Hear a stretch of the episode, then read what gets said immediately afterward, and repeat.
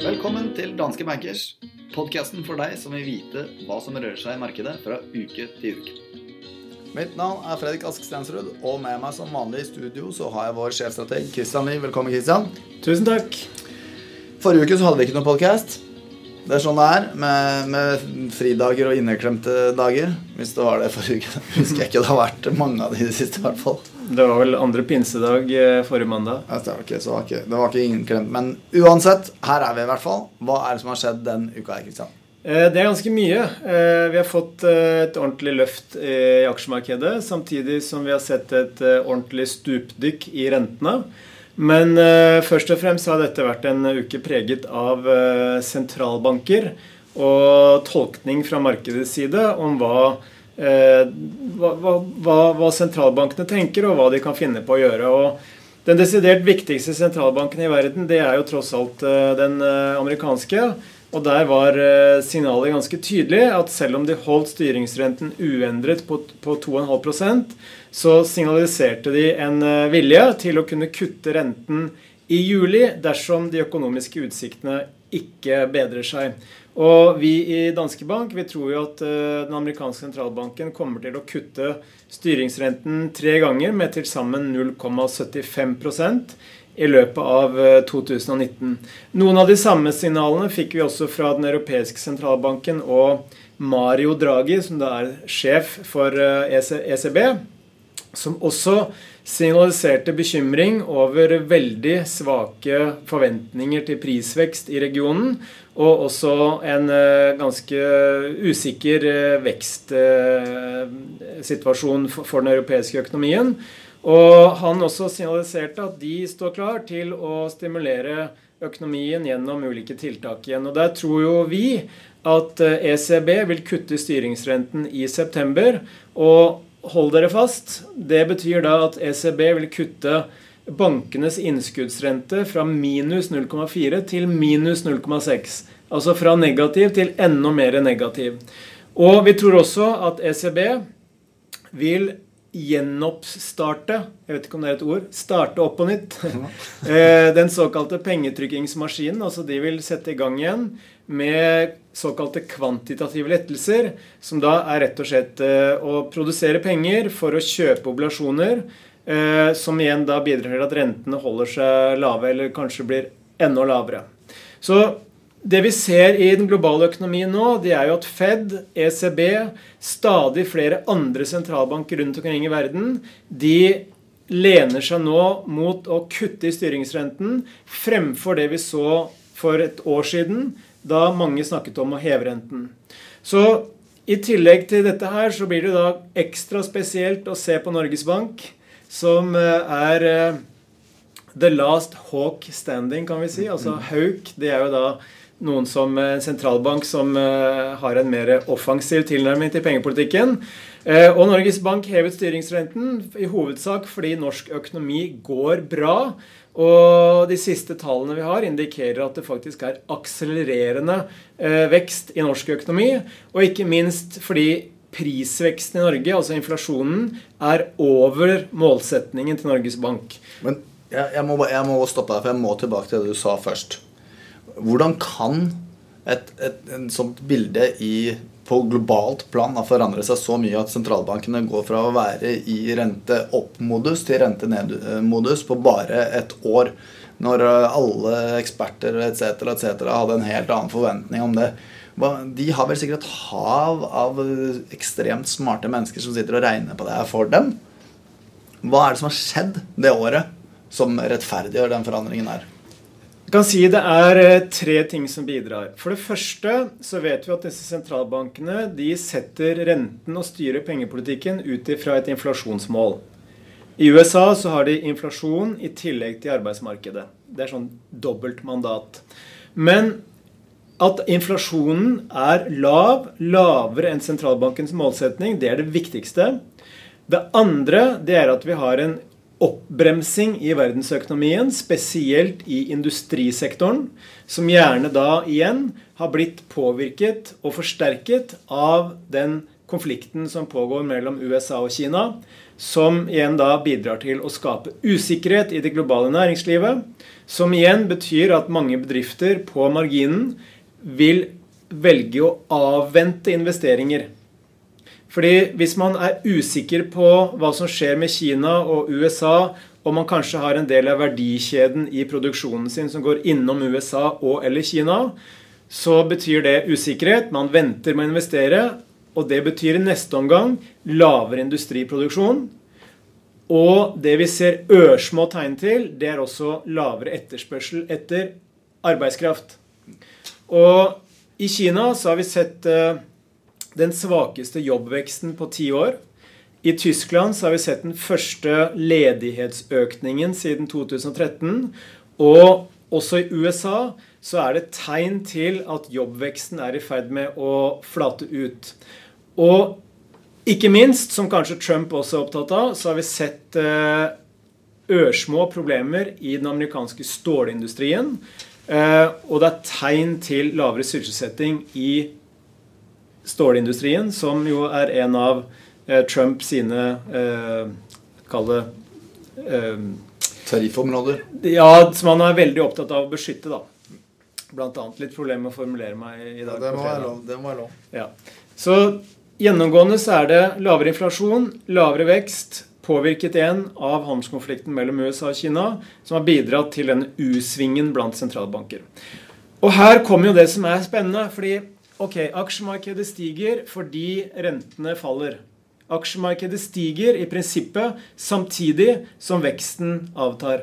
Normalt så skal jo aksjemarkedet stige når økonomien er sunn og aktiviteten øker, omsetningen for de børsnoterte selskapene stiger, som igjen da bidrar til vekst i bunnlinjen.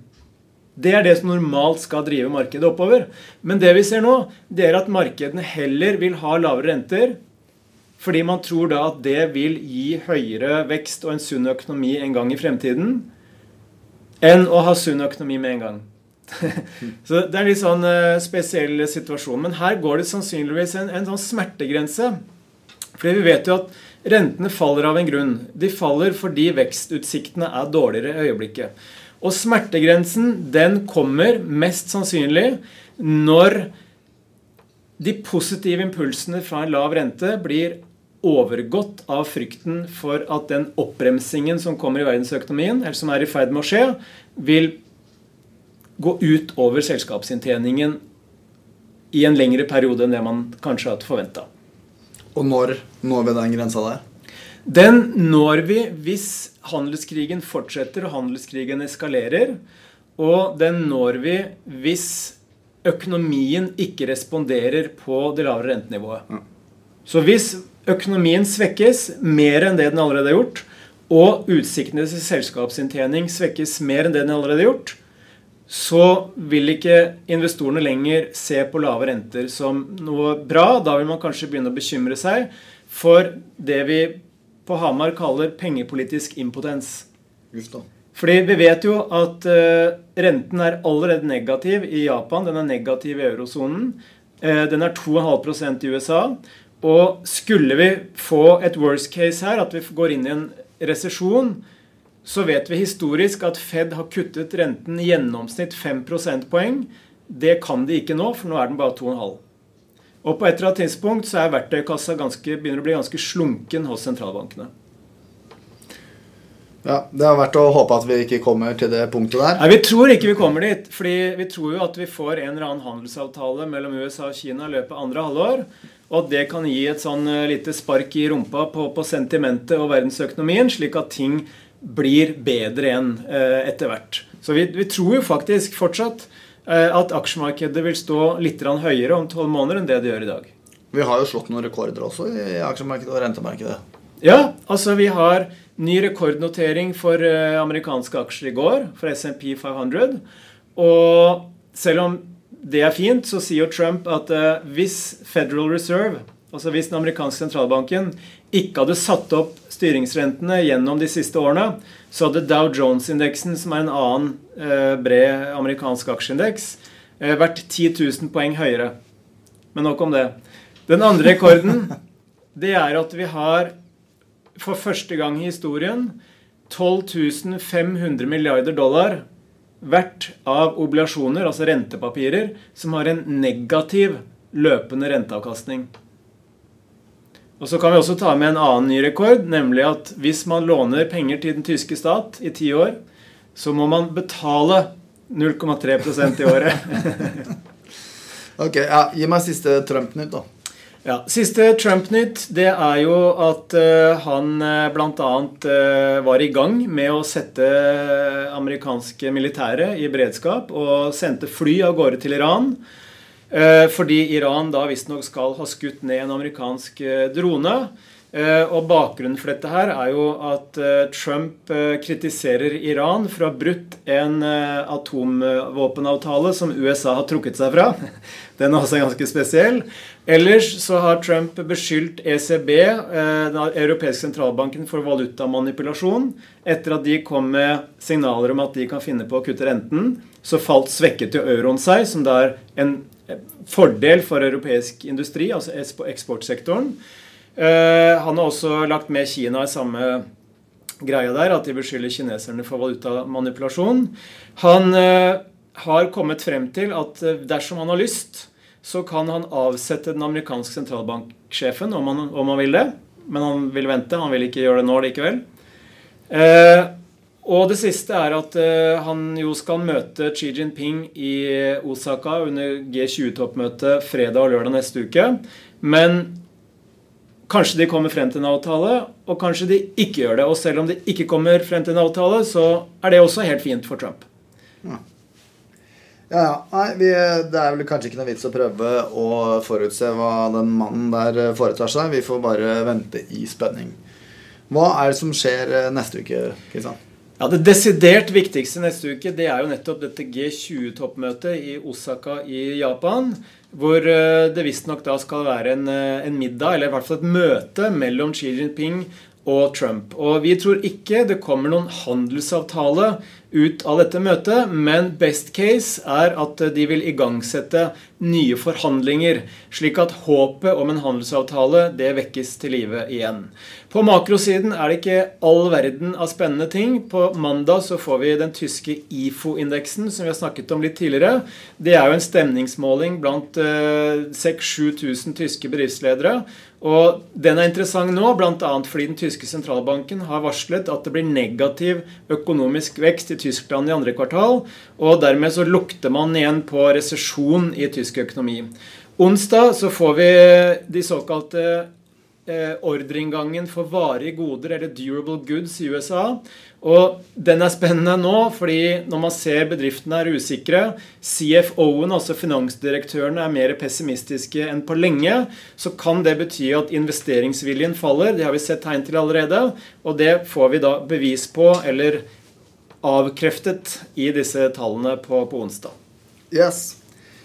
Jeg skal uh, ta markedsbevegelsen de siste fem dager og også oppsummere de viktigste sakene for neste uke. Men før det så vil jeg for det første si at dette er siste uh, danske bankers før sommerferien. Vi jeg og Christian tar ferie i juli, så da får dere ikke noen episoder. Med mindre vi tilfeldigvis skulle møtes på kontoret.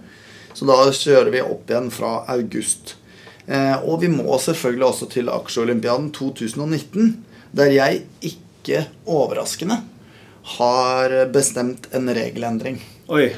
Men vi kan først ta forrige ukes eh, bevegelser. Du, eh, eller over to uker har det faktisk vært nå. Du har da sittet long i Tyskland, mens jeg har sittet long i olje. Eh, det så ganske stygt ut for meg en stund, men endte veldig bra. Du fikk 2,8% i positiv avkastning på din posisjon og ligger nå på 9,2% totalt for året. Mens jeg fikk 4,9% på min posisjon og ligger allikevel bak deg med 8,2% Men regelendringen som jeg innfører nå, det er at fra nå av så bytter vi ikke posisjon fra uke til uke. Jeg kommer til å oppdatere lytterne på resultatene våre, selvfølgelig. Men vi må nødt til å ta én posisjon nå, så vi må sitte på ut året. Og da er spørsmålet, Christian, hvilken posisjon vil du ta? Eh, for da snakker vi sånn ca. seks måneder, da. Ja. En tidshorisont på seks måneder. Ja. Uh, ja, da velger jeg å gå eh, short i tyske aksjer? Ja. Nei, jeg, eh, jeg har valgt å ha et mer positivt outlook på livet enn deg, så jeg velger å gå long i Norge. Så long i Norge mot short i Tyskland, og selvfølgelig de prosentene vi har allerede fra før av, de er med i uh, Ja, det var ganske likt. Ja, det var det. Ok. Nei, men uh, da skal jeg oppsummere uh, markedsbevegelsens siste fem dager. OECBX opp 1,5% SMP 500 opp 2,2% Eurostock 600 opp 1,5% oljeprisen opp 5,5 De viktigste sakene for neste uke er IFO-indeksen fra Tyskland på mandag klokken 10. Vi får Durable Goods fra USA på onsdag klokken halv tre. Og så har vi selvfølgelig et veldig spennende G20-møte i Osoka på fredag og lørdag i neste uke. Eh, jeg vil også nevne Vi har faktisk aldri tatt imot noen spørsmål her i Danske Bankers-redaksjonen. Og nå som det er sommer, så tenkte jeg dere kan få sjansen til å sende oss spørsmål dere har, eller eventuelt også ønsker til spesialsendinger som dere vil høre fra oss. Og hvis du har det, så sender du en e-post til frste at danskebank.no. Det var frste at danskebank.no. Det var alt vi hadde, og da gjenstår det bare å ønske alle våre lyttere en god sommer. Så høres vi igjen i august.